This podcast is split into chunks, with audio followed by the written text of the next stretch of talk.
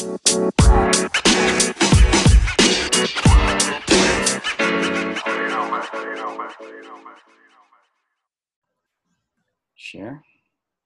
Do-do. Present.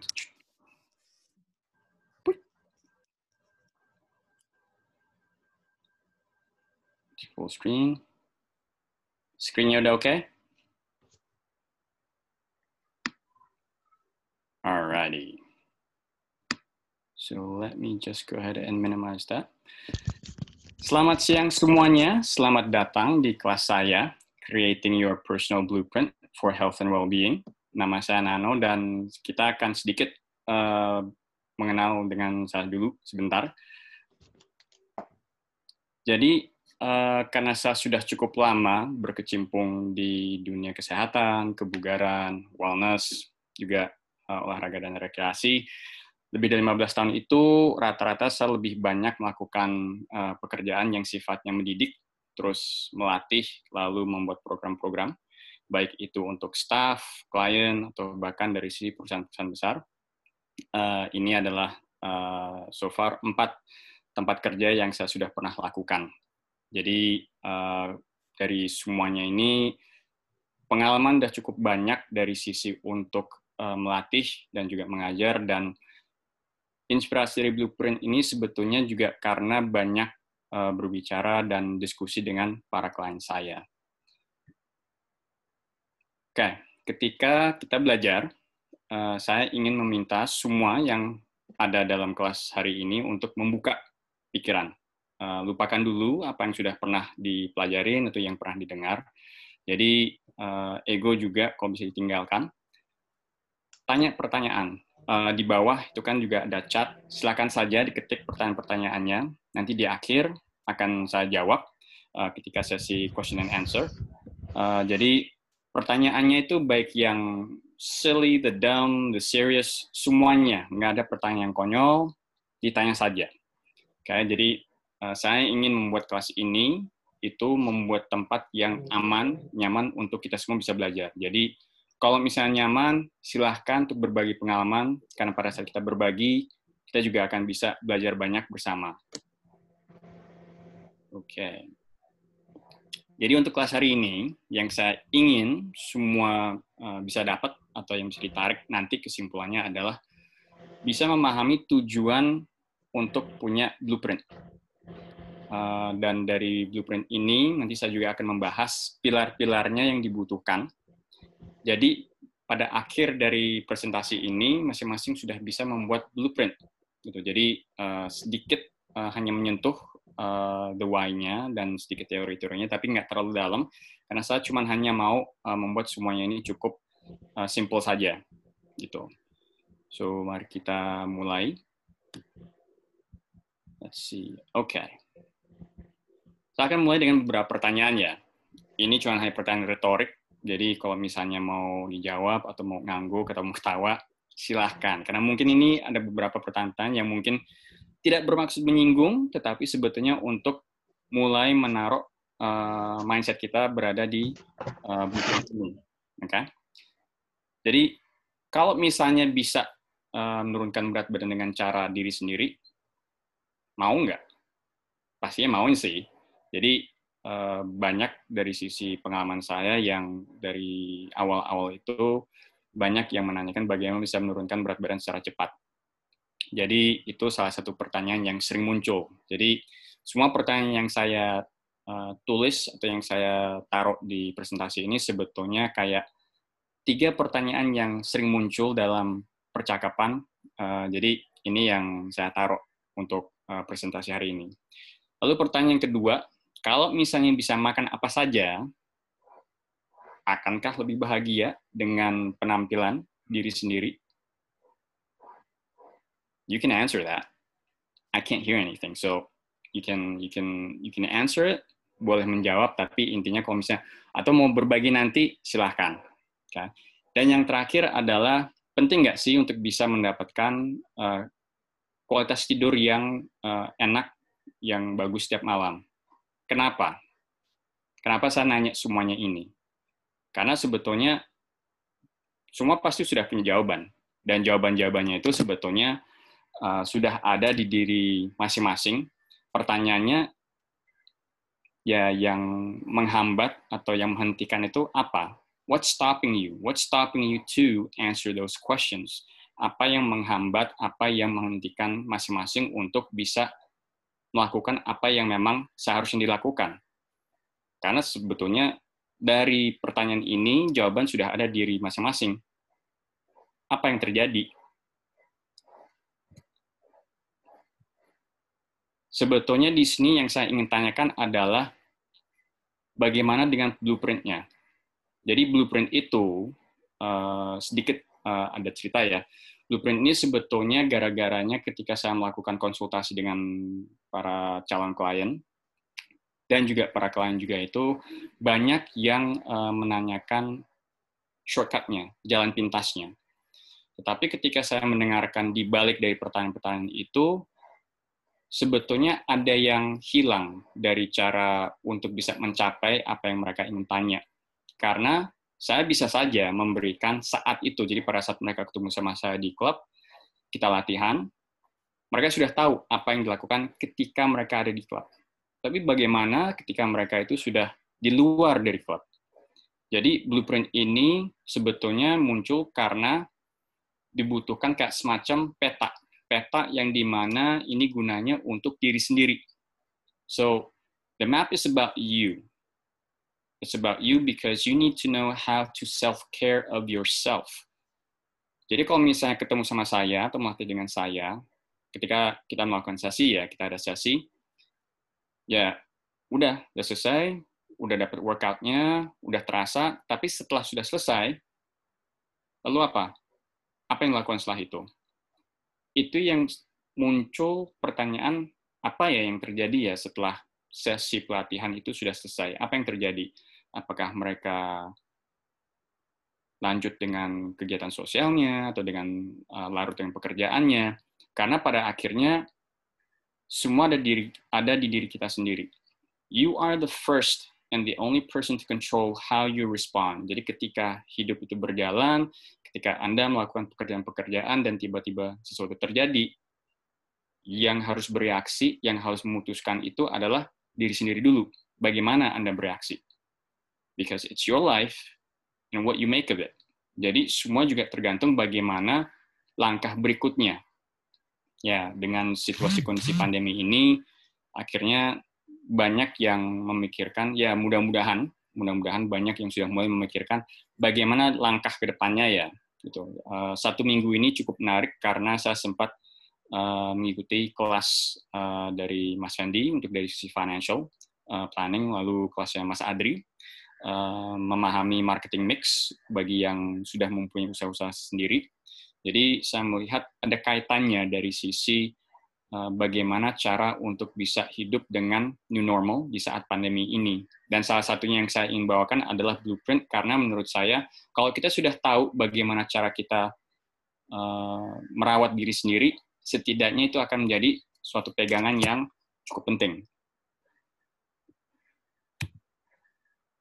Jadi blueprint itu adalah semacam uh, rincian tindakan yang cukup uh, spesifik karena semuanya itu sudah dikurasi uh, menurut dengan selera pribadi masing-masing. Gitu. Jadi dengan blueprintnya ini dia juga akan mengurangi semua keraguan yang ada apabila sesuatu itu di luar kendali.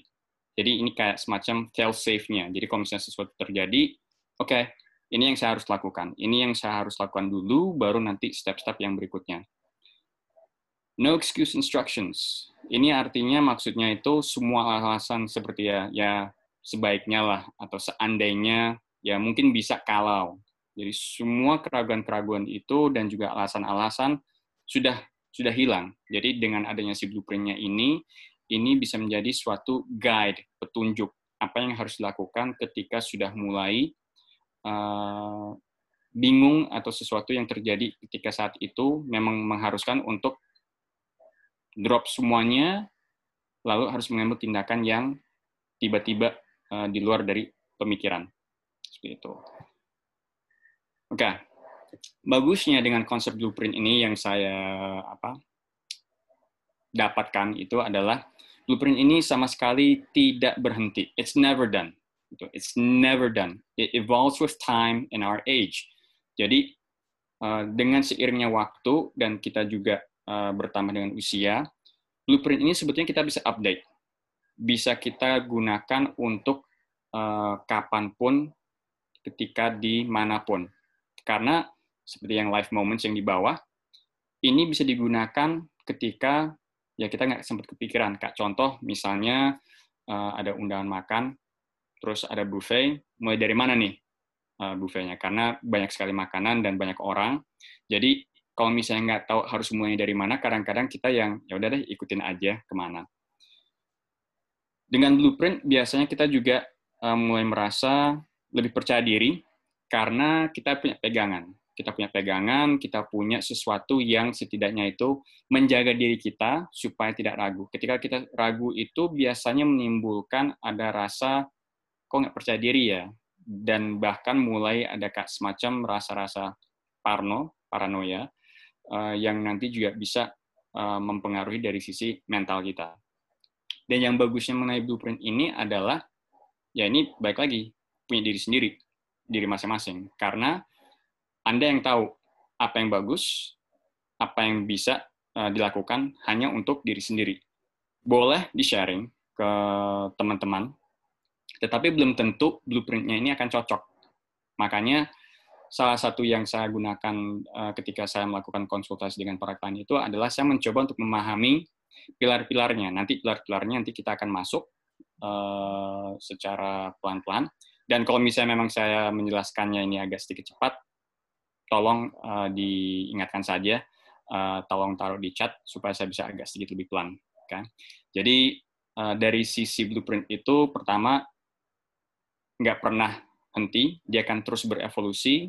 Blueprint ini juga bisa memberikan uh, rasa percaya diri dan blueprint ini adalah sesuatu hal yang milik pribadi dan dia akan sesuai dan dia akan sangat berguna ketika hidup itu terus berjalan. Oke. Oke, ini mungkin akan agak sedikit lebih lama ya. Jadi karena sudah lebih dari 15 tahun dan cukup banyak uh, melakukan konsultasi dan juga melatih dengan para klien, ini uh, istilahnya benang-benang merah yang saya bisa tarik uh, dari klien-klien saya ketika mereka itu uh, apa namanya berdiskusi dengan saya. Yang pertama adalah saat itu susah.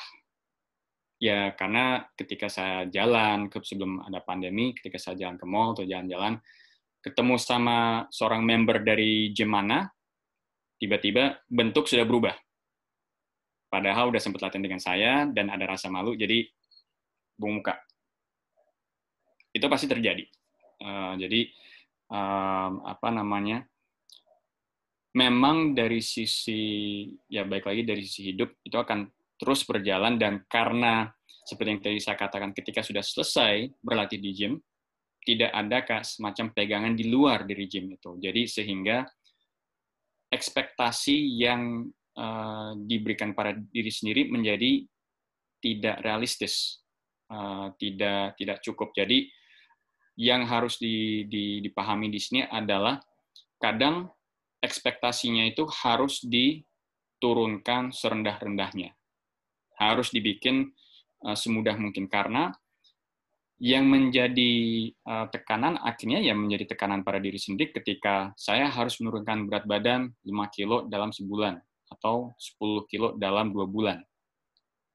Kita sudah mulai terbiasa dengan menaruh suatu angka terhadap suatu tugas.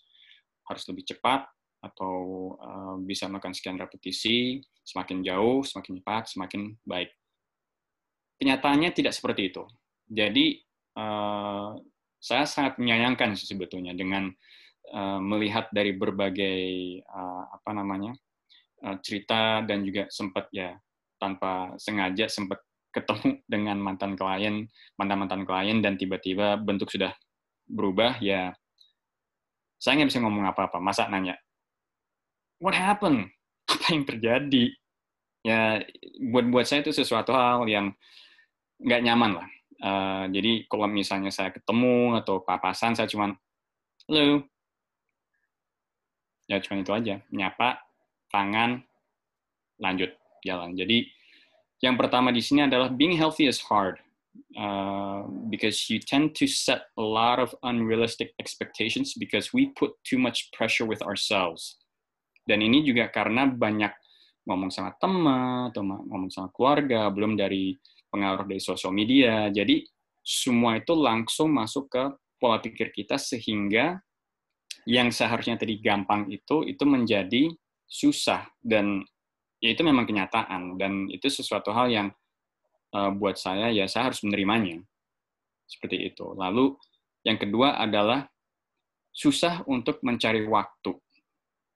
Mau dibilang itu alasan, alasan tetapi sebetulnya kalau yang saya perhatikan dari cerita dan saya ingat dari cerita-cerita yang sempat pernah di, di, dibagikan itu ya jerih payah susahnya itu ya memang nyata gitu. yang bekerja di kawasan SCBD dengan jenis pekerjaan yang sangat uh, menguras tenaga dan pikiran itu yang akhirnya membuat mereka untuk susah dan sulit untuk bisa mencapai goalnya mereka. Belum juga ketika waktu uh, punya jam-jam latihan di pagi atau malam, ini uh, apa juga cukup lumayan apa baru menyadari sih hampir rata-rata itu klien-klien saya ketika latihan pengusaha saya hampir semua klien itu mukanya agak tegang.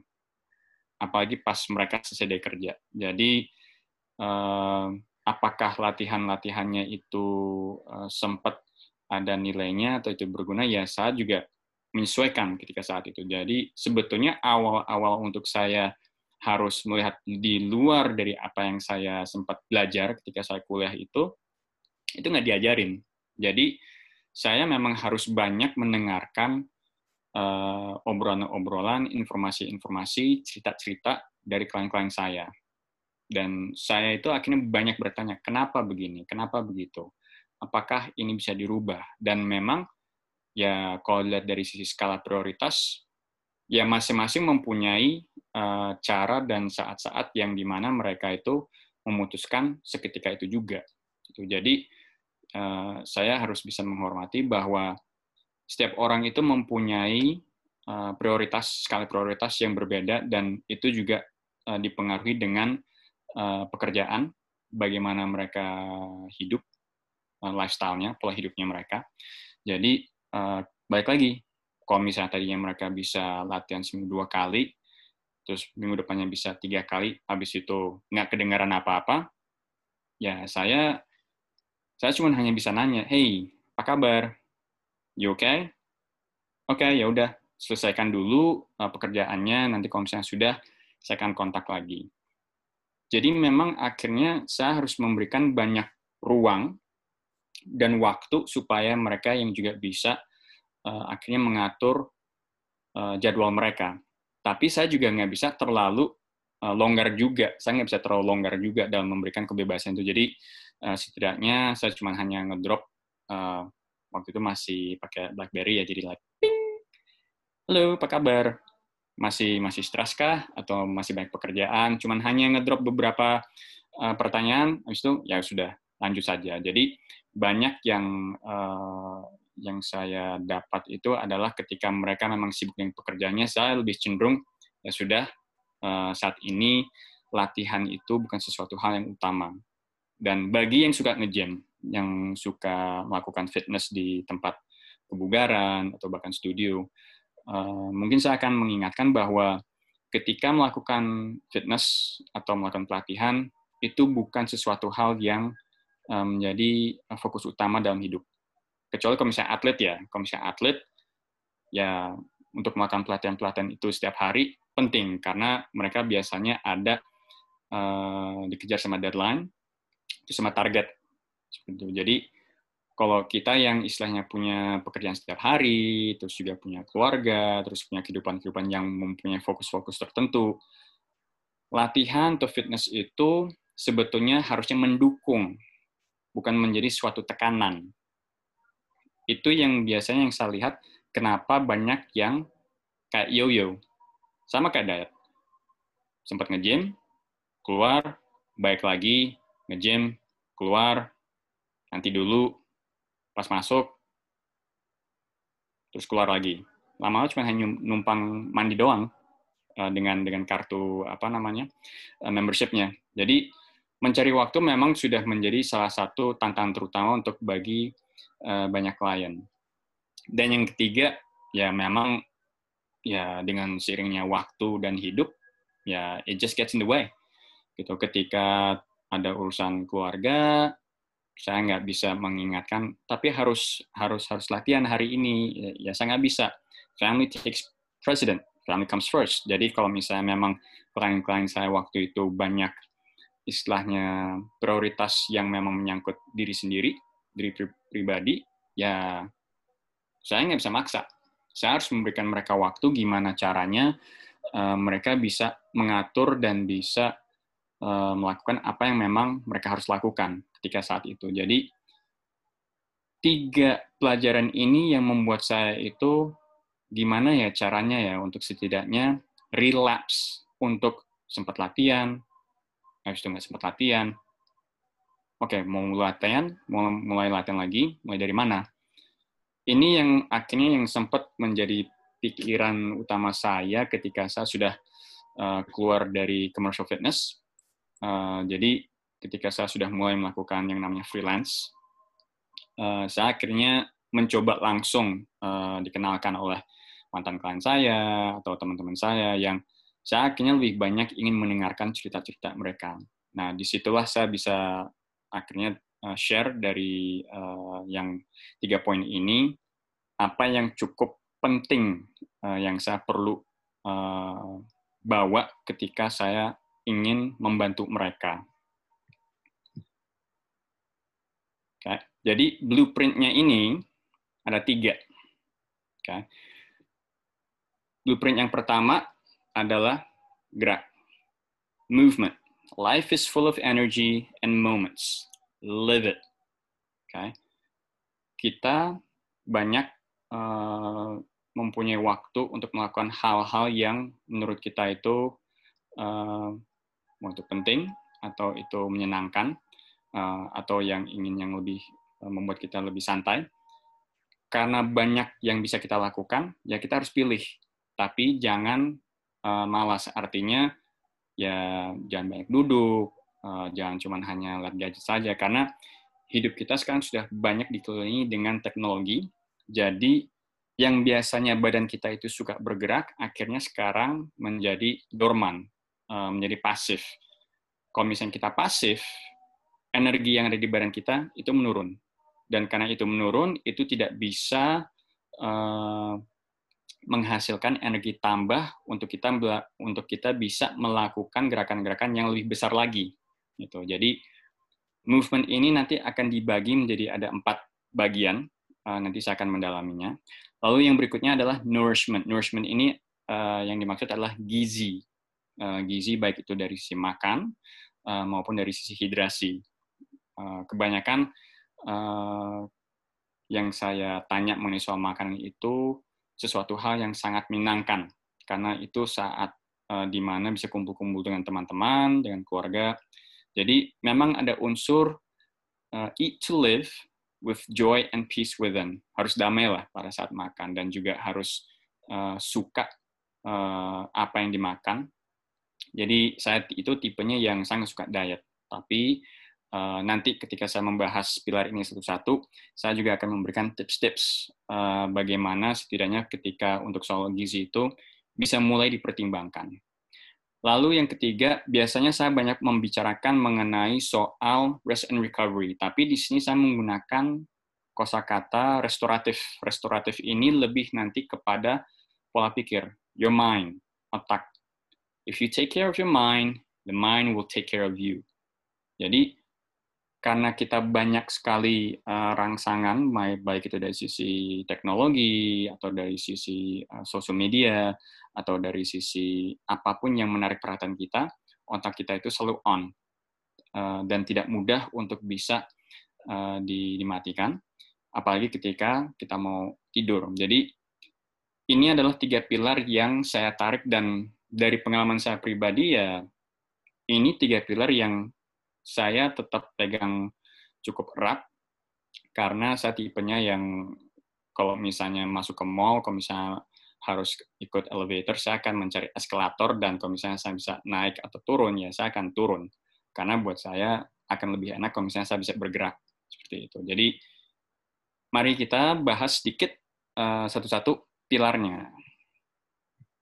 Ingat ya, kalau misalnya ada pertanyaan, silakan aja diketik, nanti akan dibahas di Q&A-nya. Oke. Jadi movement, pergerakan. Ini ada empat fokus. Okay. Yang pertama ini adalah health and well-being. Yang pertama ini lebih kepada melakukan aktivitas dan kegiatan sehari-hari. Karena juga ini ada uh, uh, kaitannya dengan hidup.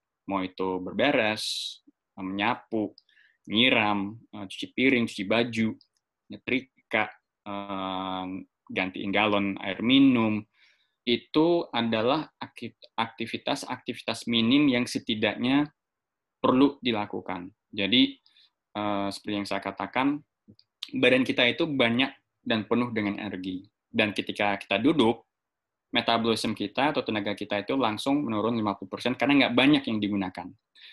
Jadi kalau misalnya mau berdiri sedikit, terus agak sedikit stretching, silahkan ya. Uh, saya sambil lanjut aja. Saya kebetulan juga berdiri sih, jadi nggak duduk, jadi saya agak naikin apa namanya desknya di dan saya lebih nyaman ternyata pada saat presentasi itu berdiri daripada duduk. So anyway, baik lagi. Jadi untuk health and well-being itu adalah unsur uh, movement yang pertama. Setidaknya uh, dari sisi health and well-being itu ada dan kalau bisa itu dilakukan secara terus-menerus dan secara konsisten. Poin yang kedua di sini adalah physical conditioning. Kalau physical conditioning di sini yang saya maksud adalah kayak tipe-tipe orang-orang suka nge-gym atau yang suka lari keluar.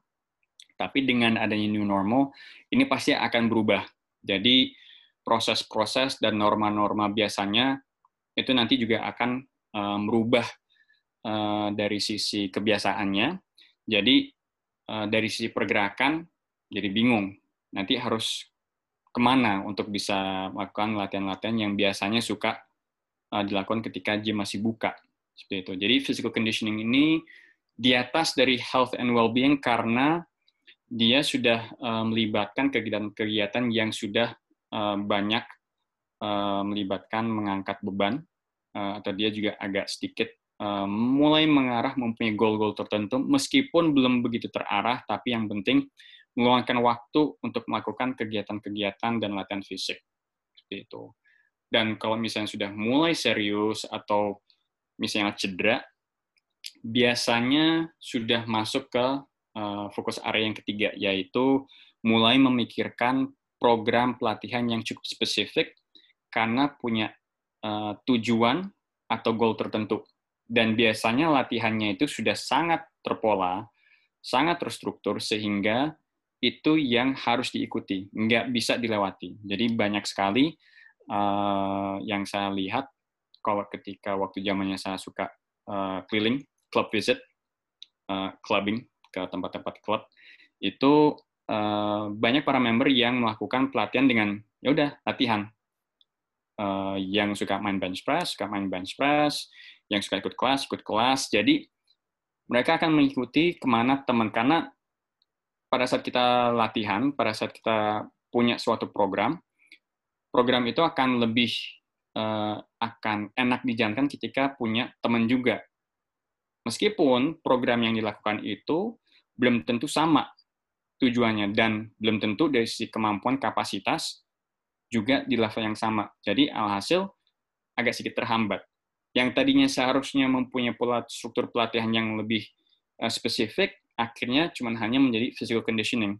Jadi physical conditioning sama specific training program itu sebetulnya masih satu alur. Nah, kalau sudah sampai uh, mendalami istilahnya uh, programnya sudah selesai, terus membuat program baru karena menemukan sedikit kelemahan ketika uh, melakukan apa uh, aktivitas yang lain, akhirnya mindset untuk movementnya itu sudah masuk ke tahap yang terakhir, yaitu goal-oriented. Goal-oriented ini biasanya sudah punya penasaran, aduh ikut nggak ya, pengen lari nih. Ya udah deh ikut yang lima. Jadi karena sudah tahu batas kemampuannya, akhirnya sudah menaruh goal. Jadi ketika sudah mulai berpikir kayaknya bisa nih ngikutin teman atau wah dipanasin nih untuk ikut lari, wah dipanasin nih untuk ikut sepeda. Wah ternyata untuk sepeda goesnya udah langsung 50 km nih, langsung minder. Padahal nggak belum bilang apa-apa. Jadi sudah mulai ada kesan bahwa oke okay, saya sudah kuat, saya sudah bugar, saya bisa, ya udah saya jabanin. Tapi belum melihat apakah yang dilakukan dengan pergerakan-pergerakan ini cukup. Nah, ini nanti yang saya akan uh, bahas sedikit lebih dalam di kelas yang berikutnya. Jadi kebetulan ketika saya melakukan presentasi ini, kebetulan sudah uh, memikirkan empat uh, materi uh, yang nanti akan saya bahas dengan belajar tanpa bertemu. Tapi ini semuanya masih terkait dengan si blueprint yang saya presentasikan untuk hari ini. Oke, jadi empat area fokus dari movement itu health and well-being, physical conditioning, specific training program, terus dan uh, goal-oriented uh, focus. Ingat ya, kalau misalnya ada pertanyaan, silahkan aja ditanyakan. Oke, okay. Kalau dari si nourishing your body, saya akan mulai dengan uh, pola makan dulu. Eating habits. Oke. Okay? Nah, ini mungkin uh, kalau dari sisi uh, mungkin ada beberapa dari yang ikut kelas hari ini sempat mendengarkan dari teman-teman atau uh, sempat sekilas uh, saya selalu mengajarkan uh, ada empat hal di sini yaitu dari sisi porsi, kualitas, variasi, dan enjoyment. Porsi di sini uh, saya hanya akan uh, hanya sebatas porsi yang dimakan itu juga akan mempengaruhi penurunan berat badan, kenaikan berat badan, atau tidak adanya perubahan dalam berat badan. Jadi porsi itu ngaruh. Porsi itu ngaruh. Uh, karena pada saat kita makan, makan itu eh, konteks yang saya ingin gunakan di sini adalah dia itu sebagai sumber energi, sebagai bensin untuk kita melakukan aktivitas. Kalau kita banyak duduk, kalau kita banyak pasif, apa yang kita makan cuma hanya dipakai sedikit. Jadi pembakaran minim. Sisa dari makanan-makanan itu lalu kemudian akan dikonversi menjadi glukosa yang biasanya nempel di otot atau masuk di gula darah atau sisanya dia juga akan menjadi lemak yang itu akan membutuhkan waktu yang lebih lama. Cukup di situ dulu. Karena dari si porsi, saya langsung uh, akan mengangkat soal kualitas. Bagi yang suka nyemil, tolong diperhatikan. Semakin banyak makanan yang kita asup atau yang kita makan itu dari makanan-makanan yang diproses, kualitas makanannya itu biasanya lebih cenderung rendah. Oleh karena itu, biasanya dari sisi sumber energinya, atau bahkan dari sisi lemaknya, dia biasanya sedikit lebih tinggi. Gitu. Saran selalu, paling enggak salah satu, ada sayur-sayuran, ada buah-buahan, akan lebih baik lagi kalau misalnya ada dua-duanya. Okay. Lalu yang berikutnya adalah variasi. Okay. Jangan membatasi apa yang suka dimakan, tetapi makan dalam porsi wajarnya dan uh, sebutuhnya. Jadi uh, di konsep blue zone itu, kalau nggak salah di Jepang ya, kalau nggak salah, dia itu menganjurkan kalau kita makan setidaknya kita bisa merasakan 80% itu kita sudah kenyang, itu waktunya untuk stop. Karena di situ otak kita yang akan mengeluarkan hormon leptin ghrelin yang memberikan sinyal cukup, nggak perlu makan lagi. Itu nanti yang juga akan membantu kita dalam mengatur pola berat badan kita. Jadi dari situ sebetulnya kita bisa memberikan sedikit kelonggaran bahwa oke, okay, variasi bagus. Saya masih bisa makan ini, masih bisa makan itu. Tapi mungkin ada hari-harinya ya gitu. Kak contoh I love ice cream. I have my days dan kalau misalnya memang harus makan one pint of Haagen-Dazs ya I'll eat it but then habis itu ya harus jalan lama harus melakukan banyak kegiatan-kegiatan untuk bisa ngebakarnya tapi dari situ saya akan menunggu lagi sampai saya ingin merasa oke okay, uh, eh, saya uh, mungkin nggak makan es krim dulu deh karena kemarin udah sempat makan es krim satu pint contoh karena pada akhirnya rata-rata ketika saya nanya dan di sini saya nanya ya, saya mau nanya semuanya, mau ngangguk atau mau ketawa kayak tahu aja nih Mas Nano. Waktu kecil suka jajan nggak? Kalau suka jajan, ya artinya itu adalah salah satu uh, momen yang di mana waktu kita makan itu ada rasa senang, ada rasa bahagia, ada rasa yang di mana makan itu menjadi sesuatu hal yang cukup uh, berkesan.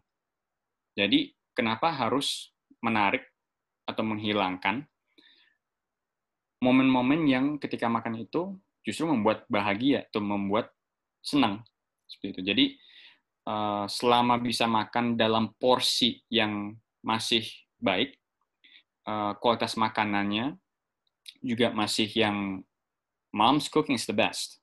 Jadi kalau misalnya ini masakannya langsung dari dapur, pas sudah selesai, itu biasanya masakan-masakan yang paling enak sih.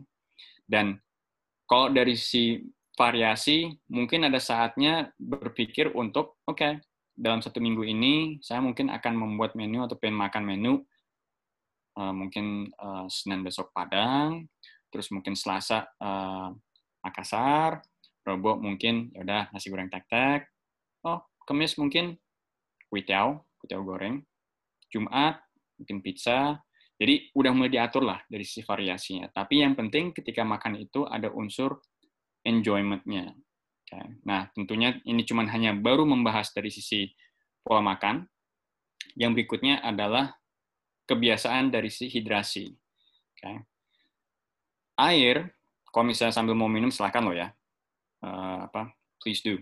Uh, jadi air itu sangat penting dari sisi asupan kita sehari-hari air itu merupakan bagian dari si makro dan mikronutrisi yang penting dalam tubuh karena toh juga dalam tubuh kita itu terdiri dari 70% air. Air juga sangat penting dalam membantu proses metabolisme dalam badan dan air itu juga membantu membuat kulit lebih sehat. Okay. Kalau misalnya haus, jangan nunggu. Biasanya kalau misalnya nunggu sampai haus, biasanya itu sudah telat. Sudah ada kayak unsur uh, dehidrasinya. Karena pola pikir kita nggak tahu. Dia nggak akan tahu kapan kita haus. Jadi mau nggak mau ada waktu yang di mana oke okay, saya harus minum. Minumnya juga nggak usah terlalu uh, cepat-cepat. Yang penting ada unsur taking your time to hydrate. Jadi sambil minum dan juga memastikan badan rasa hausnya itu bisa di diselesaikan lah istilahnya. Udah dahaganya itu udah udah udah udah selesai lah. Okay.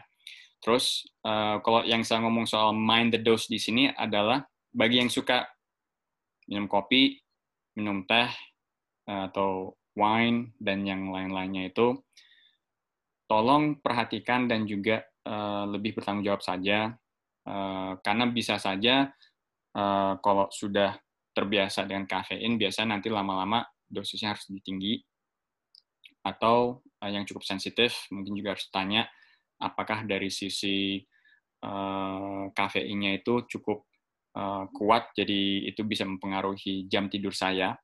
Jadi setidaknya dari sisi minuman-minuman yang di luar dari air itu coba dipikirkan dulu kapan dan kenapa. Kayak contoh misalnya, saya baru mulai minum kopi itu kembali setelah uh, sudah PSBB sudah diangkat. Dan ketika saya sudah mulai minum kopinya itu, ternyata cukup, dan ini cuma hanya kopi yang disaset ya, itu ternyata cukup mempengaruhi uh, meleknya saya. Jadi, saya waktu itu minumnya jam 2, tapi saya ingat sekali, waktu saya baru minum uh, kembali lagi, oh, minum kembali lagi, itu saya meleknya tuh cukup lumayan sampai cukup larut. Bangun jam 2 dan habis itu uh, baru bisa kembali tidur lagi setelah subuh. Seperti itu. Jadi uh, kalau misalnya suka minum kopi atau suka minum teh, coba diperhitungkan juga dari sisi dosisnya dan juga dari sisi kapan itu diminum. Karena siapa tahu itu juga bisa mempengaruhi nanti pada saat di pilar yang berikutnya adalah restoratif, restore the mind. Oke, okay? jadi di sini itu saya menulis ada ada kenapanya. Kenapa kita juga sudah harus mulai memikirkan restorasi mainnya di sini karena kembali lagi hidup sudah penuh dengan tekanan dan stres itu akan selalu ada. Dan ketika stres itu selalu ada, pola pikir kita itu selalu tertekan. Kan dan karena selalu tertekan, kita selalu akhirnya harus menjaga dan harus uh, istilahnya menaruh posisi sistem badan kita itu dalam posisi survival mode. Kita harus melindungi diri sendiri. Pada saat stres, yang harus kita pikirkan adalah diri kita sendiri. Makanya kalau misalnya cuma hanya tanya, eh mau ikutan nggak uh, untuk makan? Jawabnya mungkin agak sedikit bete dan baru sadar, oh, gue ngomongnya agak sedikit keras ya tadi ya. Dan tetap aja, tapi tetap baik lagi ke fokus pekerjaan yang sedang dilakukan. Yang alhasil kalau misalnya kita tidak menaruh istirahat uh, pola pikir kita, kesehatan kita itu juga akhirnya menjadi um, dalam resiko juga. Jadi penting kita untuk mencari waktu gimana caranya main uh, pola pikir kita itu bisa punya jeda. Gitu. Jadi entah uh, tidur, uh, napping, napping maksudnya di sini adalah kayak tidur siang. Uh, cari waktu. Ini poin yang kedua yang di bagian how ini yang paling uh, rumit ya, karena ini meminta untuk keluar waktu untuk uh, nggak pakai nggak pakai HP. Teknologi juga untuk saat ini adalah sampingkan dulu, pikirkan diri sendiri. Take time to ease off, chill, relax. Lakukan hal-hal yang sifatnya di luar dari kebiasaan ya, entah baca buku, entah painting, entah membuat uh, apa masakan baru. Jadi gimana caranya otak kita itu bisa melakukan hal-hal yang sedikit berbeda dari yang biasanya atau yang otak kita itu dalam tekanan yang sangat luar biasa. Itu butuh waktu untuk bisa uh, diistirahatkan lah istilahnya. Oke, okay. jadi stres itu sebetulnya ada dua. Okay. Ada yang bagus, ada yang tidak. Stres yang bagus itu namanya eustress, dan eustress ini tipenya itu yang membuat dan memberikan kita banyak energi dan motivasi karena ini sesuatu hal yang membuat kita itu lupa karena kita saking semangatnya dan kita suka melakukan hal itu akhirnya kita terus saja ngelakuin dan kita nggak capek tipe capeknya tuh yang seneng bahagia dan ketika mau tidur itu semua itu rasanya sudah pas. It goes according to how you want things to be for that day. Kalau distress, distress itu yang kebalikannya. Dia itu yang lebih negatif. Dan bahayanya di sini, semakin kita stres, semakin kita banyak menaruh tekanan, kekebalan tubuh kita juga tertekan. Ini yang akan membuat kesehatan kita itu rentan dengan, tanda kutip, kondisi turun mau itu mulai dari eh, nggak enak badan atau masuk angin. Hal-hal ini yang membuat pikiran kepala sudah mulai agak sedikit berat, pusing, yang itu nanti turun kemurun menjadi uh, badan kita jadi nggak enak, pegel, yang akhirnya yang secara tradisional minta dikerok supaya bisa keluar anginnya. Tapi yang tidak diberikan istirahat secara total itu adalah pikirannya. Jadi uh, usahakan bisa coba dilihat kembali agar supaya eustress itu yang menjadi uh, stres yang bagus untuk diri kita. Karena kita sebetulnya butuh butuh semacam uh, dorongan atau tekanan dalam uh, melakukan sesuatu agar hidup kita itu mempunyai tujuan, punya makna, uh, punya arti, punya nilai. Jadi itu yang memberikan kita semangat untuk terus-menerus bisa maju uh, ke depan dan progres dengan hidup kita. Jadi kalau dari sisi distrust ini yang perlu diperhatikan karena distrust ini yang biasanya akan membuat pilar kita ini semuanya terganggu gitu. yang tadinya mau melakukan jalan, tapi tiba-tiba sempat dapat telepon, dan teleponnya itu membuat kita bete, akhirnya pada saat kita jalan, jalan kita rasanya nggak enak. Tuh. Atau uh, mungkin juga lanjut, kita udah nggak enak duluan karena kita stres, akhirnya kita mencari makanan-makanan yang mencoba dan memberikan kayak semacam keamanan, kenyamanan yang memberikan rasa enaknya itu supaya otak kita mengeluarkan rasa uh, atau hormon oksitosin, dopamin yang setidaknya bisa menyembuhkan diri kita. Tetapi dari sisi pola pikir, dia tidak atau belum melupakan hal-hal yang membuat kita distress tadi, yang tertekan tadi. Jadi karena tidak sempat untuk melepas atau mencari cara untuk menghadapinya, dan cara kita merespons itu lebih cenderung lebih ya mengikuti alur emosi, akhirnya pola pikir kita malah tambah tertekan. Jadi itu yang membuat semua pilarnya itu jadi goyang. Kan? Hampir mau selesai kok. Kan? Jadi untuk merampungkan semuanya ini, bagaimana caranya adalah mulai dengan satu satu dulu di setiap pilar. Okay? This is your self-care. Dari pergerakan, satu aja. Nourishment, dari makan, minum, satu aja. Restorasi, dari satu aja. Just pick one on each pillar. Mulai dari satu dulu. Coba fokus dari hal-hal yang kecil. Kecil sering tapi dia bisa menumpuk yang lama-lama bisa menjadi momentum mungkin ada yang uh, yang mengikuti kelas ini tahu atau yang istilahnya uh, pernah mendengarkan cerita dari teman atau dari teman-temannya yang lain itu ada yang ternyata setelah sudah lama mungkin pas ketemu dengan temannya itu ternyata berat badan sudah berubah tampang juga sudah berubah dan ternyata pada saat dia mencoba menceritakan apa yang dia lakukan rata-rata kayak amaze ah cuma begitu saja Masa sih? Ah, kok bisa segini drastisnya? Padahal tidak melihat sedalam apa, sejauh apa yang sudah dilakukan untuk bisa mendapatkan perubahan yang didapatkan. Jadi, kalau dari sisi kok lama, ya memang lama. Jadi, itulah kenapa harus memang uh, sabar.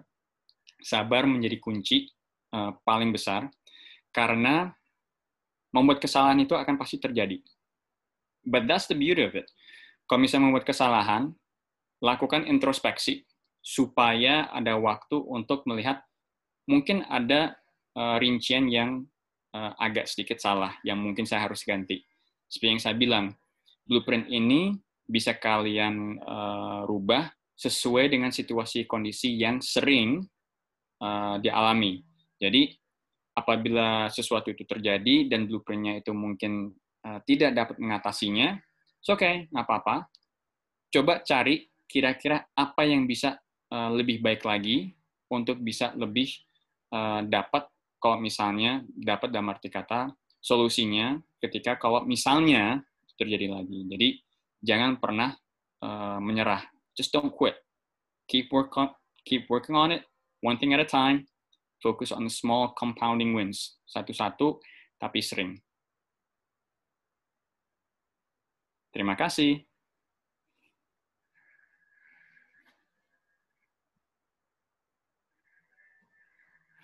Stop share. Oke, okay. thank you uh, Nano udah sharing tadi bagus banget. Um, ini kalau yang mau tanya, tadi ada beberapa pertanyaan. Um, boleh langsung aja coba Mbak Ninuk aku unmute ya. Silahkan langsung tanya aja. Hmm. Halo. Halo, Mbak. Oke, okay. uh, eh, saya langsung aja ya. Uh, sudah menjalankan yang dianjurkan untuk jalan kaki minimal 5-10 menit tiap hari. Kalau bisa lebih waktu jalannya. Alhamdulillah cuma untuk sehat. Saya kurang suka matahari sebenarnya perlu nggak sih kena matahari berjemur tiap hari? Jam berapa sih sebenarnya yang baik? Terima kasih ya. Oke. Okay. Jadi kalau misalnya dari sisi matahari, Uh, kalau misalnya mau pagi sebelum matahari itu naik uh, dan sebelum terik ya nggak apa-apa. Itu itu saran saya karena kalau yang kalau sampai mendengarkan yang namanya UV ray atau dari sisi sinar sebetulnya sepanjang hari itu sebetulnya sudah ada sinar yang sudah tembus. Jadi uh, sebetulnya yang saat ini yang saya ingin bisa garis bawahi adalah selama bisa jalan kaki 5-10 menit setiap harinya, itu aja dulu. Kalau dari sisi matahari, kalau bisa, ya udah mungkin pagi bukan hari bukan hari yang bagus atau bukan hari yang tepat, tapi lakukan di sore ketika sudah mulai agak sedikit adem. Jadi kalau dari sisi matahari, bagusnya kalau misalnya ada matahari kan vitamin D, gitu dan juga bisa membantu dengan Eh, sistem uh, sistem kekebalan tubuh lainnya. Tetapi yang saya akan tarik uh, sisi paling mudahnya di sini adalah yang penting adalah gimana caranya bisa melakukan jalan kaki itu 5-10 menit setiap hari dulu. Setiap hari, setiap minggu, setiap bulan. Itu dari sisi movementnya ya. Jadi nanti tinggal pikirkan dari sisi nourishment-nya, gizinya, pola makan, terus dari sisi polihidrasinya, Terus nanti tinggal dipikirkan dari sisi restoratifnya, bagaimana uh, melakukan istirahat. Jadi kalau memang ada fokus pada saat untuk penurunan uh, berat badannya itu, pelan-pelan dia akan bisa nyambung satu-satu. Saat ini badan kita itu fokusnya jalan dulu ya. Jadi jawaban singkat dari saya adalah tentukan waktu yang sudah nyaman dulu. Cari yang uh, aman, nyaman untuk diri sendiri dulu okay? karena pada pada akhir pada intinya kalau dari sisi matahari sebetulnya selama masih kelihatan dan masih ada sedikit cerah intinya sinar itu selalu akan uh, menyinar uh, ke badan seperti itu oke okay? terima kasih mbak Ninu Lalu pertanyaan berikutnya dari Mbak Sinta Indrasari. Selama pandemi ini, Ya. Uh, biar kalau mau tanya sendiri silahkan Mbak okay. Cinta aku unmute ya. Silahkan kalau mau tanya sendiri. Halo Mas Nano. Halo. Iya Mas Nano, aku cuma menanya itu aja sih uh, seperti yang aku tulis. Kalau uh, selama pandemi ini work from home, aku ngerasa aku baru sadar kalau banyak cara makan aku itu sangat uh, involved with emotional eating ternyata. Nah ini nih ini uh, kesadaran baru nih yang aku baru dapat waktu waktu pandemi. How do we uh, control or uh, change our mindset, mindset ya? Kayak gimana caranya kita mengganti mindset kita supaya makan itu tuh nggak tertrigger dengan emotional eating kayak bosen makan, marah makan, sedih makan. Itu itu itu gimana caranya ya? Ada okay. advice nggak? Okay. Boleh saya tanya? Uh dalam situasi kondisi apa kok tiba-tiba ada rasa lonjakan dari si emosionalnya, dari emotions? Oh, se misalnya gini kayak kayak yang tadi kan seperti bilangin uh, banyak a lot of our food or what we eat itu uh, terkait dengan masa kecil. masa kecil kita yang menyenangkan. Jadi memang ada beberapa makanan yang misalnya saya suka karena saya saya demen dari kecil, terus saya juga suka snacking. Nah, terus saya ngerasa yang kalau misalnya ada berita yang tidak bagus atau uh, ada ngerasa sesuatu lagi saya lagi lagi sebel atau kesel, terus lagi, lagi langsung jadinya pengen pengen nyari snack nih atau pengen ya. pengen ngunyah nih gitu loh. Nah itu tuh sesuatu yang saya ngerasa pas pada saat uh, work from home ini baru kerasa oh iya ya ternyata hidup gue selama ini tuh gue gini banget gitu. Tetapi okay. memang aku selama ini nih selalu olahraga segala macam, cuman baru baru pengen tahu gimana sih caranya kita bisa mengkontrol itu. Oke. Okay. Ini mungkin saya akan uh, ambil long route-nya dulu ya. Dan berarti kata hmm. gini. Kalau misalnya suka buka sosmed, buka berita, kok bisa kurangin. Hmm. Tadi sempat sempat ceritakan kalau misalnya dengar cerita atau dengar berita langsung kepikiran, langsung ke hmm. bawah. Jadi salah satu uh, solusinya di sini adalah uh, saya akan masuk ke bagian restoratif, restore the mind. Gimana caranya pola pikir kita itu tidak dipenuhi dengan berita-berita yang akan membuat kita emosional. Hmm. Karena pada saat kita emosional itu paling susah adalah apa arti dari maksud kita merasakan itu. Karena the most difficult part about trying to communicate with our emotions is to actually identify that real meaning. Arti sebenarnya itu apa? Dan salah satu yang paling mudah itu adalah kemakanan karena dia yang akan menyembuhkan lah istilahnya seperti itu. Jadi dengan situasi kondisi pandemi ini uh, dengan stres yang cukup tinggi dan banyaknya berita yang mungkin dapat mempengaruhi pola pikir kita itu justru itu menjadi salah satu uh, poin penting dalam memikirkan kalau misalnya you reaching out for your phone mau buka sosmed atau dapat grup WA Coba, itu kira-kira beritanya akan membuat uh, Mbak Sinta senang, down, emosi, itu yang juga nanti akan mempengaruhi nanti ke bawah seterusnya. Jadi kalau dari sisi saya di sini adalah justru kalau dari sisi makannya ini dari sisi restoratifnya dulu karena tadi uh, yang saya tangkap paling paling apa dalam dan yang paling Eh, langsung utama itu adalah eh,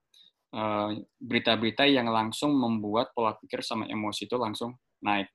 Kalau dari sisi cemilan mungkin saya juga bisa uh, dari makanan itu sendiri saya nanya tipe-tipe makanan apa nih? Kalau misalnya saya tanya lebih dalam, apakah chocolates, ice cream, chips, all of the above gimana? itu tuh ya beda-beda sih, cuma deh apa aja yang ada, but ya, uh, ya kadang kadang coklat, kadang-kadang chips, kadang-kadang ice cream, tergantung gitu.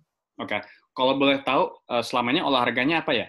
Uh, dibilang tiga empat lima se Sebelum pandemi saya uh, sering ke gym untuk ikutan hot bar karena uh, saya ngerasa kayak hot bar tuh lumayan lah bagus lah untuk saya. Terus dulu juga saya uh, suka latihan lari, udah hmm. beberapa kali ikut ikut lomba lari, cuman nggak nggak yang serius-serius banget.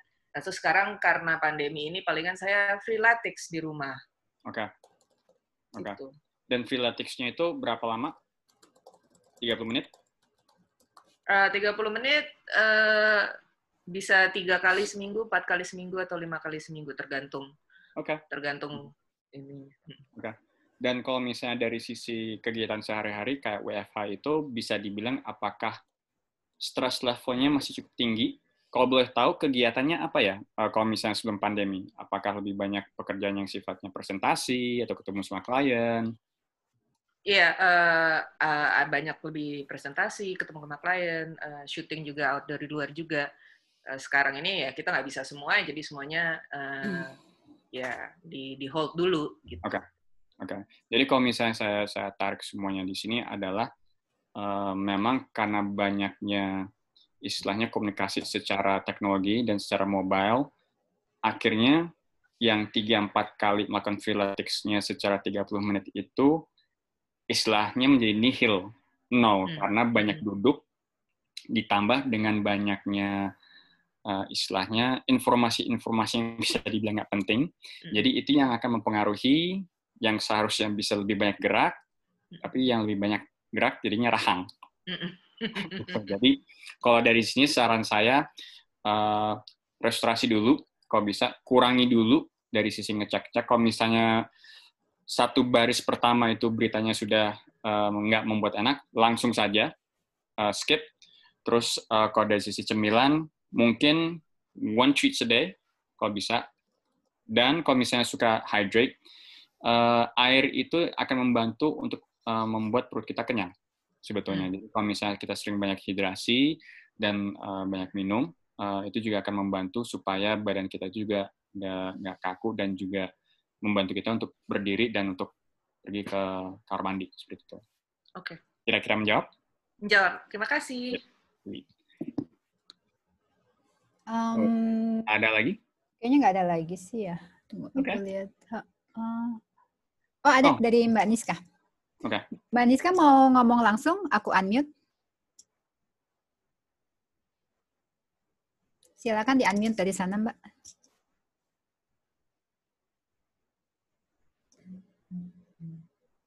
Oke. Okay. Langsung dibaca aja, no. Oke. Okay. Salam kenal juga, uh, Mbak Niska. Uh, jadi pengen banget turunin berat badan, Tapi ketika fokus dan emang punya tujuan buat turun berat badan, malah nggak turun-turun. Tapi ketika udah relax, nggak terlalu mikirin soal berat badan, malah turun beratnya. Itu apa ya yang harus saya lakukan? Oke, okay. uh, sebetulnya saya kalau bisa uh, unmute, karena saya akan tanya lebih banyak sih, karena di sini juga ya. akan banyak. Ah, uh, ya, uh, ya Mas, udah di unmute. Oke, okay, oke. Okay. Oke. Okay. Gimana gimana? Uh, saya mau saya mau nanya. Uh, kalau boleh tahu, kegiatan sehari ini apa ya? Aku dulu sebelum pandemi, uh, biasanya manggil personal trainer ke rumah buat Muay Thai. Oke. Okay. Tapi kan sekarang uh, bener-bener di rumah. Paling olahragaku sekarang itu jalan uh, sehari, tapi okay. itu pun nggak rutin. Jadi seminggu tiga kali aja. Oke. Okay. Terus, uh, tapi ya itu, jadi kalau misalnya aku udah niat nih ya udah sampai udah detox gitu apa uh, buah sayur tiga hari terus udah tuh uh, turun kan. Tapi begitu begitu wah pokoknya ini harus turun nih harus turun nih gitu malah jadi kayaknya ada stres sendiri gitu. Jadi malah tiap hari nimbang dan gak turun-turun gitu mas. Yep. Yep. ketika udah oh ya udahlah gitu. Kita jalanin aja gitu ya apa olahraga terus terus uh, makan juga lebih diatur tuh tiba-tiba turun sendiri gitu mas. Maksudku apa yang harus dilakuin ya biar kalau saya boleh tanya nih agak sedikit mm -hmm. waktu uh, tiba-tiba berat badan itu turun sendiri uh, stres stres dari si pekerjaan atau kegiatan sehari-hari itu seperti apa Ingat? aku sih nggak kerja nih udah resign oke okay. Lalu nah, jadi di rumah kenapa okay. kegiatannya apa sekarang kegiatannya lebih sering itu ngurus anak. Oke. Okay. Anak kan uh, akhir-akhir ini kan school from home tuh kan lumayan Menguras bikin ini juga. Iya, iya, iya. Iya gitu. Nah, aku sih lebih ke kalau lagi santai gitu malah jadi nim apa kalau nimbang turun gitu. Oke. Okay. So, uh, jalan tadi udah se uh, seminggu tiga kali ya? Tiga kali, ha berapa lama? Ke depan kompleks setengah jaman sih. Oke, okay. That's good. Kalau uh -huh. uh, saran saya, kalau dari sisi pergerakan, kalau uh -huh. cuma hanya sampai depan kompleks, itu bisa dilakukan setiap hari. Oh, oke. Okay. Ingat, ingat, kalau cuma hanya 30 menit, setidaknya, dan sudah punya tujuan sampai depan kompleks itu balik, setidaknya dalam pikiran sudah jalan you've done something, sudah jalan. Oh, oke. Okay. Nah, itu harus aku apresiasi sendiri juga ya berarti. Betul. Betul. Okay. Jangan meremehkan hal yang kecil karena seperti yang tadi saya katakan, kalau hal kecil itu dilakukan sering dan konsisten, mm-hmm. dia lama-lama akan numpuk.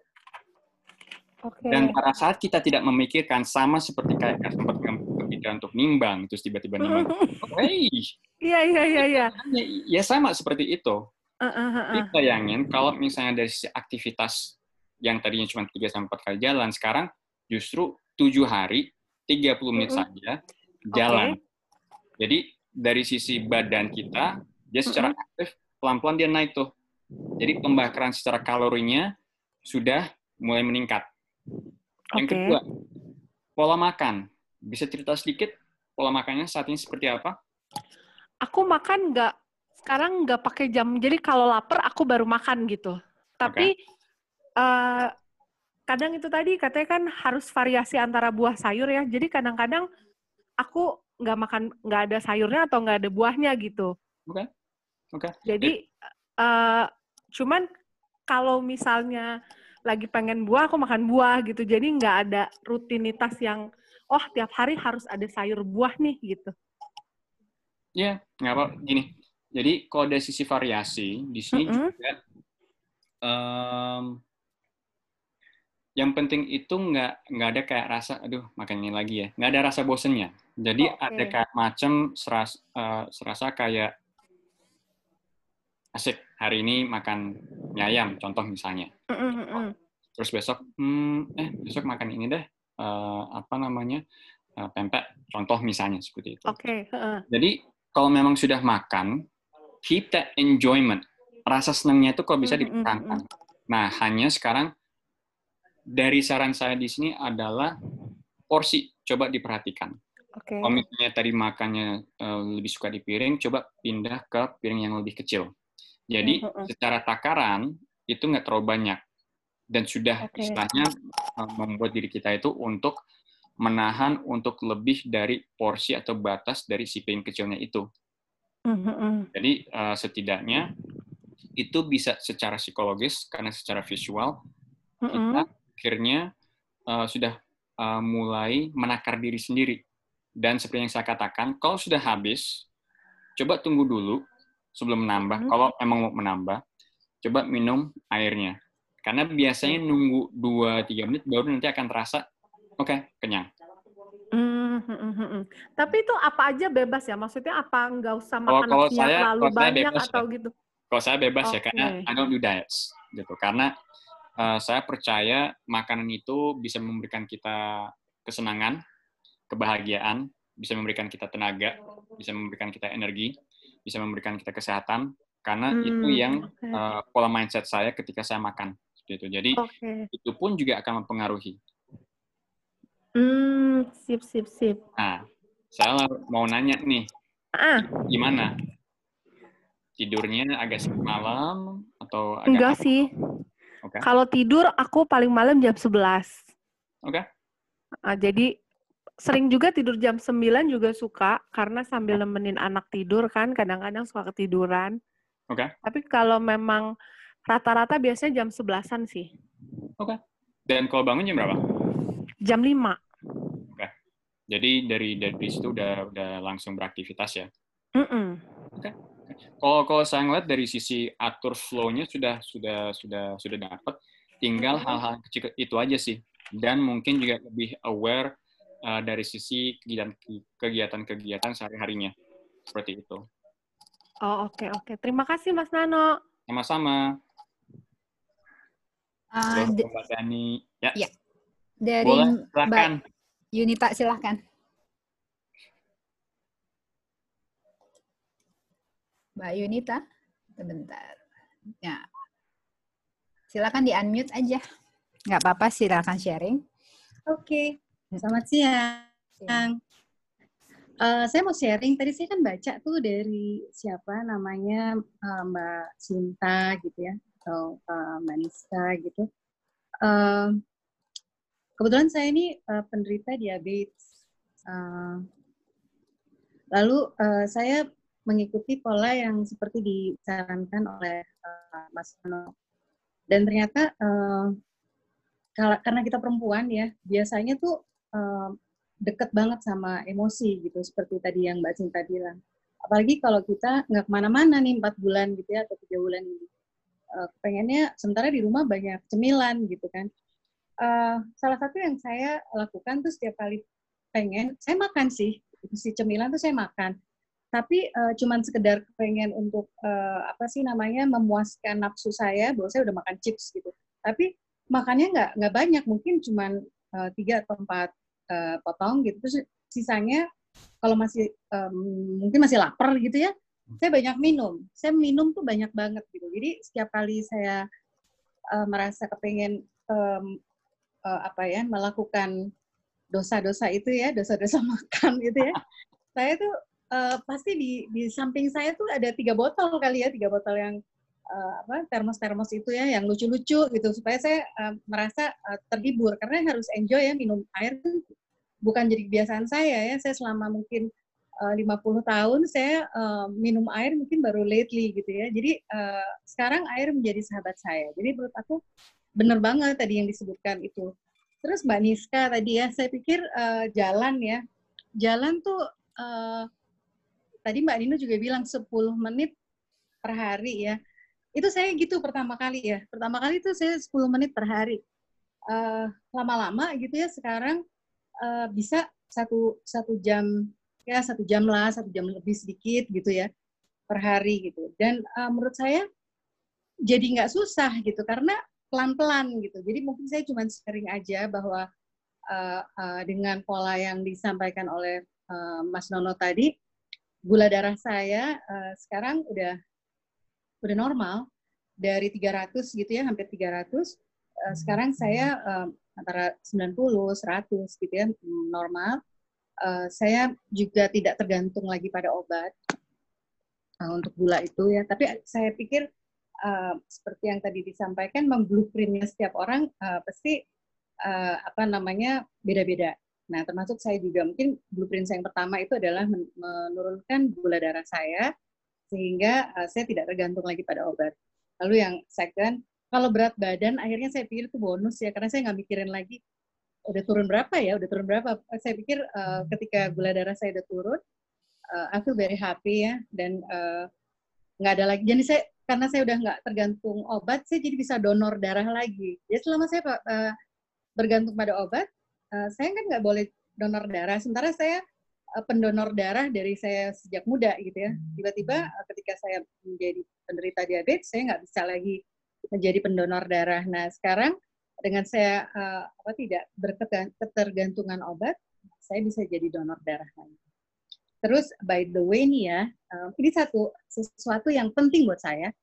Uh, Maret kemarin berat badan saya itu uh, 87 Lalu uh, bulan ini Juni uh, berat badan saya sekarang 80. Jadi saya sendiri juga amazingly sebenarnya saya juga nggak uh, nggak apa namanya nggak menyangka bahwa uh, dalam pandemik ini uh, uh, bisa bisa me, me, apa namanya me, menurunkan uh, uh, berat badan seperti itu. Jadi mungkin uh, uh, untuk di, diketahui uh, berat badan saya tadinya 95 hampir 100 dan mengerikan banget gitu. Uh, terus turun ya, turun menjadi 83 dalam waktu satu tahun. Itu dengan jalan kaki, dengan jalan kaki tiap hari, mulai dari 10 menit itu. Lalu dari uh, eh, 83 itu saya naik 87. Naik 4 kilo jadi 87 uh, Maret kemarin. Nah sekarang ini, Maret, April, Mei, Juni, uh, dalam tiga bulan tuh uh, berat badan saya sekarang sekitar 80, 80, 81 lah kayak gitu. Mungkin saya mesti sharing itu aja bahwa uh, semangat terus, Eh, setiap kali udah mau apa gugur semangatnya uh, dibangunin lagi impiannya bahwa kita punya blueprint bahwa uh, kita tahu apa yang kita mau. Misalnya kayak saya waktu itu mau turunin saya punya gula darah. Kalau sekarang saya tuh nggak bisa sholat, sholat duduk tuh saya nggak bisa karena uh, kaki saya sakit banget gitu. Dan uh, blueprint saya yang kedua ini mungkin saya kepengen bisa uh, sholat dengan uh, apa namanya uh, bisa duduk lagi nantinya. Terima kasih Coach Nano, terima kasih Mbak Bianca. Bianca ya? Namanya. Sama-sama. Oke. okay. Jadi, oke. Okay. Ini ada yang uh, memberikan message secara anonymous. Oke, okay. jadi ada tiroid tapi udah dioperasi. Nah, dua-duanya sebelum operasi dan sesudah operasi setiap melakukan olahraga ringan, apalagi terlalu berat, uh, kayak nggak bisa gitu karena kayak langsung capek banget karena nafasnya juga bahkan nggak ngelakuin apa-apa aja bisa kayak uh, capek nafasnya kalau mau habis gitu. Oke, okay. terima kasih sudah sempat uh, apa sharing. Jadi uh, karena sudah terjadi suatu event uh, operasi yang menyangkut uh, dengan thyroid, yang saya anjurkan di sini adalah fokus kepada bagian uh, health and well-being movement areanya, yaitu uh, kalau masih bisa jalan, lakukan jalan dulu. Seperti tadi ceritanya uh, Mbak Yunita Priwardani, uh, dia mulai um, dari melakukan uh, jalan kecil dulu, dan kalau memang harus uh, berhenti, berhenti dulu. Uh, kalau boleh saya share, saya uh, punya klien ketika saya waktu uh, di Fitness First, dia waktu masuk itu dia selalu menunduk. Dan berat badan dia itu ketika masuk di turnstile dia harus menyamping. Karena dia nggak muat. Dan pada saat dia turun dia harus turun satu tangga nafas dan harus satu-satu dan dia punya asma. Ya karena tidak ada yang menolong saya mencoba memahami apa yang sedang uh, sedang terjadi tapi dari si movementnya, saya cuma hanya mulai dengan dia itu uh, di sepeda, yang bagian dia uh, duduk ke belakang, dan saya minta dia untuk sepeda 5 menit dulu, lalu istirahat 10 menit. Jadi kerja banding istirahatnya itu satu banding dua. Jadi lebih lama di istirahatnya.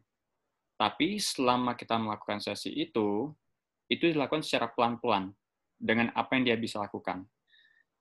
Yang saya ingin tarik dari cerita di sini adalah uh, kalau misalnya saat ini uh, olahraganya ringan dan masih capek, mungkin saran saya di sini adalah lakukan gerakan-gerakan atau aktivitas-aktivitas yang memang harus dilakukan. Kak, contoh misalnya uh, bisa bangun dari tempat uh, tidur, uh, tempat duduk, lalu bisa kamar mandi, terus lalu ke ruang uh, TV, uh, ruang tamu.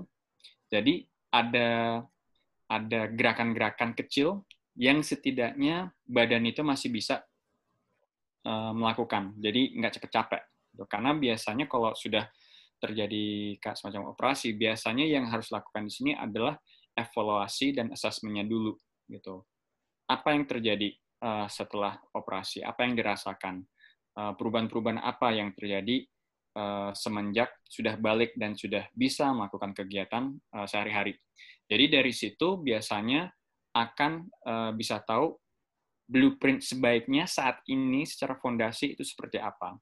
Jadi kalau dari sisi pergerakan, mungkin juga uh, yang saya tadi katakan uh, jalan dulu dan ini mungkin nggak perlu keluar rumah bisa saja di rumah atau di di mana pun uh, uh, apa uh, anda tinggal saat ini jadi melakukan kegiatan jalan mondar mandir pun itu juga uh, terhitung gitu jadi setidaknya ada pembakaran tinggal kalau dilihat dari sisi nourishmentnya gimana caranya dari sisi pola makannya itu pola makannya itu bisa membantu dengan memberikan kesehatan, uh, kekuatan badan supaya nggak cepat capek dan juga bisa uh, melengkapi nutrisi-nutrisi yang memang dibutuhkan oleh badan ketika pasca operasi.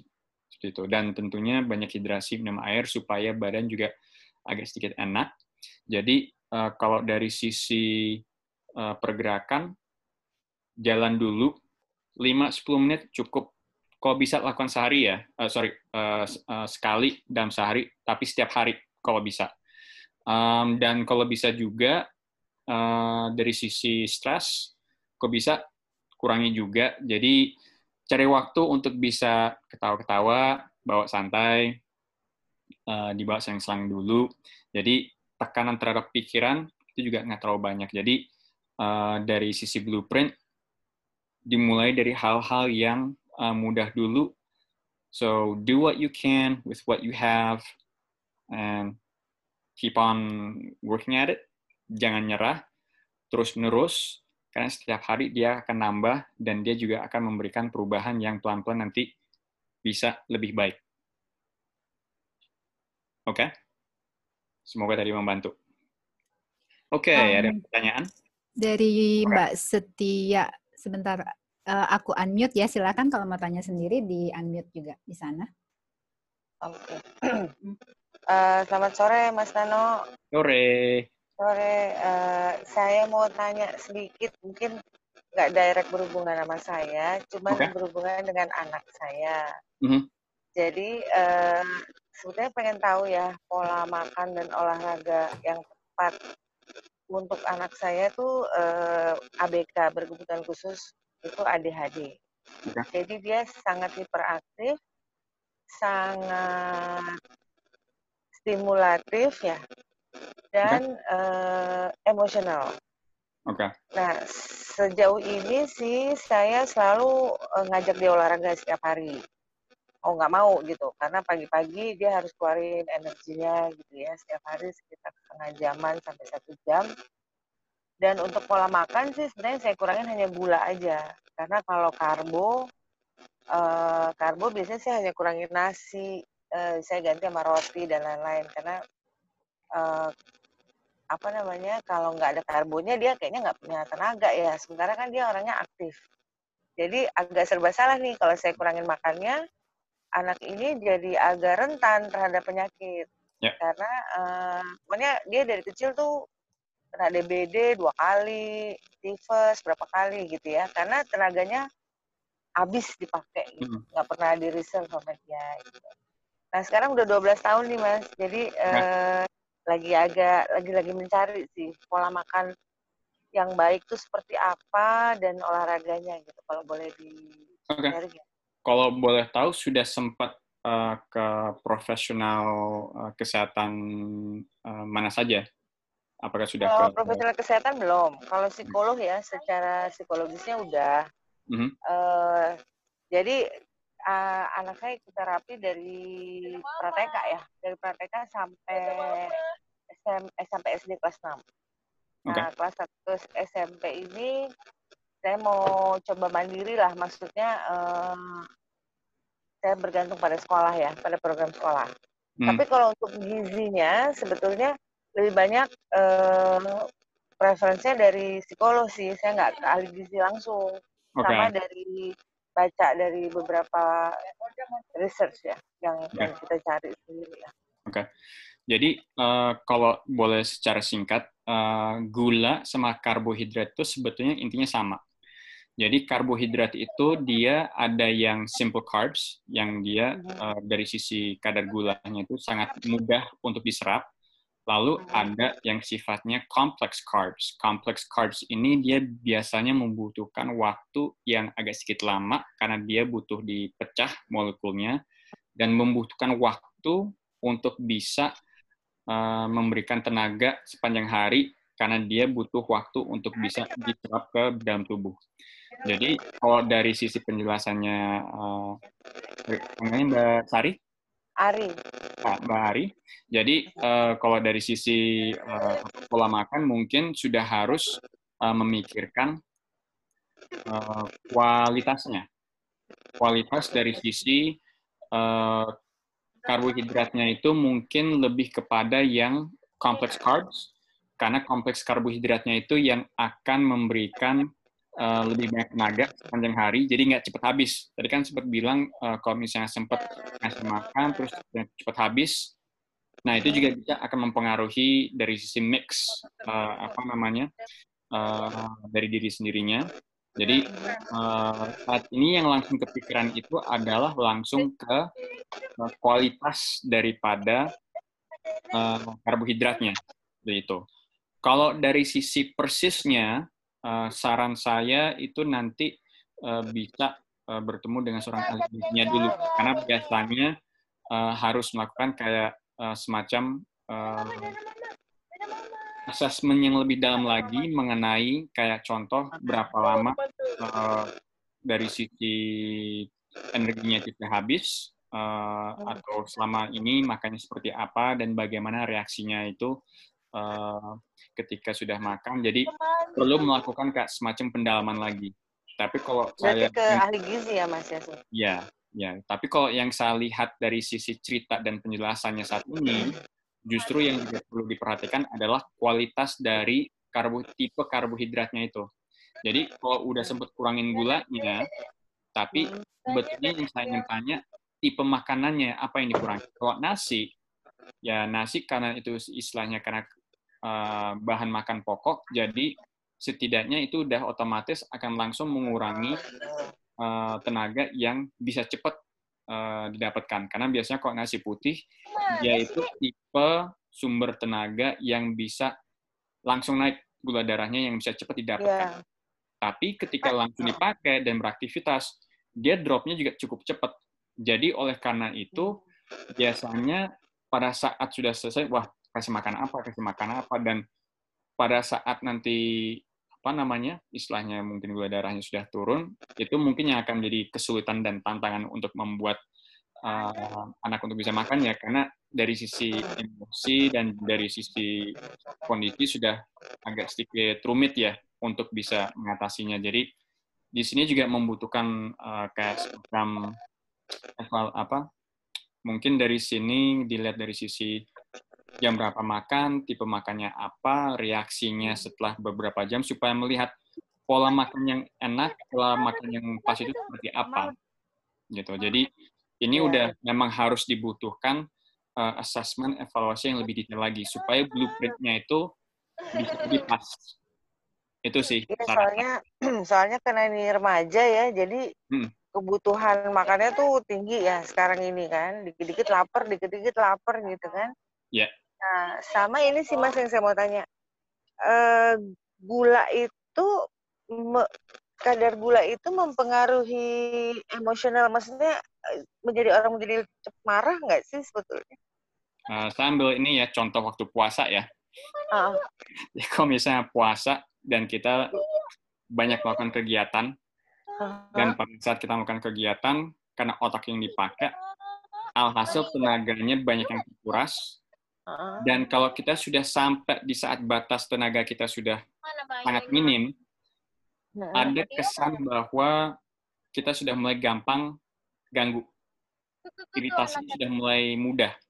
Jadi menurut saya itu ada ada kaitannya Eh, kalau misalnya dari sisi gula darah eh, Oh. karbohidrat sudah menurun, kita sudah mulai capek, kita eh, sudah mulai susah untuk bisa fokus, ya alhasil emosi juga bisa naik. Hmm. Itu yang itu yang itu yang biasanya yang waktu awal-awal apa namanya uh, puasa di hari-hari pertama atau minggu minggu-minggu pertama puasa itu seperti itu sih. Jadi karena kadar asupan juga berkurang, cara kerja pola pikir sama badan kita juga akhirnya agak sedikit seperti itu. Oke oke Oke. oke. Boleh, eh, makasih Mas. Nanti saya coba ini lagi deh, eh, explore lebih dalam sama ahli gizi ya. Untuk ini. Terima kasih. Ya, thank you Mas. Oke, jadi terima kasih untuk apa namanya pertanyaan-pertanyaannya. Dan sebelum saya sebelum saya apa eh, pamit eh, bersama belajar tanpa bertemu, eh, saya ada sedikit surprise juga untuk semua yang ada di sini. Ayam, ini berarti udah bisa ngeliat ya screen sharing saya. ya? Oke. So, kalau misalnya tadi sempat ngambil foto-foto, mau ngambil foto sekarang juga boleh. Ini contoh dari eh, blueprint saya ya. Jadi kok saya sehari-hari itu movement-nya itu saya jalan sama kalian kegiatan eh, rumah, eh, nyapu, ngepel, eh, cuci piring, cuci baju, terus ngejemurin baju, eh, nyiram taman, kebun taman depan. Dan kalau saya punya kesempatan untuk berdiri, saya akan lebih banyak berdiri ketimbang sama duduk. Kalau dari si nourishment-nya itu, saya akan lebih banyak eh, lebih ke arah boleh makan apa saja, tetapi dalam porsi yang masih cukup eh, terbatas. Ada buah, ada sayur-sayuran, air itu cukup penting. Untuk restorasi, saya lebih suka tidur dan juga tidur siang. Dan do- kalau saya ada kesempatan untuk baca buku, saya baca buku. Jadi nggak selalu harus makan sesuatu. Jadi ini contoh dari blueprintnya saya. Nah, kalau misalnya tadi sempat ada yang mungkin sempat ngambil foto atau mau ngambil foto dari sekarang, eh surprise-nya saya adalah semua yang mengikuti eh, kelas untuk sore ini, kalau misalnya nanti bisa share sama post, ini tag, eh, ini IG saya, dan juga belajar tanpa bertemu, dengan hashtag blueprint saya, movement saya, nourishment saya, restoratif saya, saya akan menjawab dan saya akan repost. Dan dengan itu otomatis masing-masing mempunyai 30 menit sesi konsultasi dengan saya gratis. Oke. Komunikasi akan dilakukan uh, WhatsApp dulu untuk mengatur polanya seperti apa pada saat kita melakukan Zoom session secara pribadi. Oke. It's going to be private session, one-on-one, jadi bisa lebih enak dan lebih aman. Oke.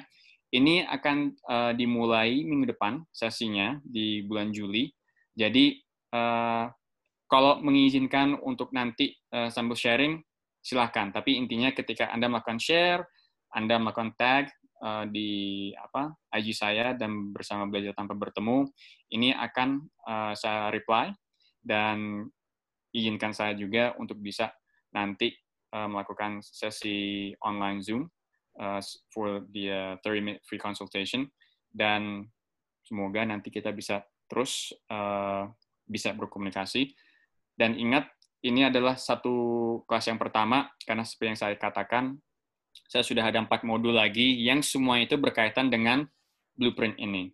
Oke, jadi semoga uh, ini bukan terakhirnya, tapi kalau ini memang sudah cukup memberikan wawasan dan informasi untuk bisa membuat blueprint masing-masing, saya mengucapkan terima kasih dan uh, selamat membuat blueprintnya. Please do share. Let me know how your blueprint is doing. I'll give you some feedback, and I'll see you on the next class. Um, sama um, kita mulai dari weekend ini kita akan uh, mengadakan challenge di Instagram belajar tanpa bertemu. Um, jadi siapa yang bisa membuat video testimoni dari kelas yang sudah diikuti um, boleh submit, uh, either bikin video di tag ke belajar tanpa bertemu atau mau di WhatsApp juga boleh uh, ke admin kita atau ke saya. Um, nanti pemenangnya bisa mendapatkan satu kelas gratis dan statement mass dari adribasuki.id. Nanti dicek aja IG-nya adribasuki.id juga ada statement mass di situ boleh pilih modelnya apa kalau menang. Oke. Okay. Oke, okay, nanti bisa lihat uh, penjelasannya di WhatsApp group dan juga di Instagram kita. Terima kasih Ini supaya semuanya. clear ya. Supaya sorry, supaya clear ini semua ya, semua yang ikut kelas ini semuanya kalau misalnya nanti sudah posting Uh, dapat 30 menit gratis ya semuanya. Jadi harus posting dengan hashtag-hashtagnya itu, tapi nanti memang kita butuh uh, cari waktu untuk bisa melakukan Zoom meetingnya. Oke? Okay? Itu aja. Oke, okay. terima kasih. Sampai ketemu nanti. Bye. Terima kasih sudah mengikuti kelas kita Creating Your Personal uh, Blueprint for Health and Well-being. Um, Semoga membantu untuk memba uh, membuat blueprint kalian masing-masing. Uh, untuk kelas-kelas berikutnya silakan cek di website kita www.belajartanpabertemu.com. Sampai ketemu di kelas.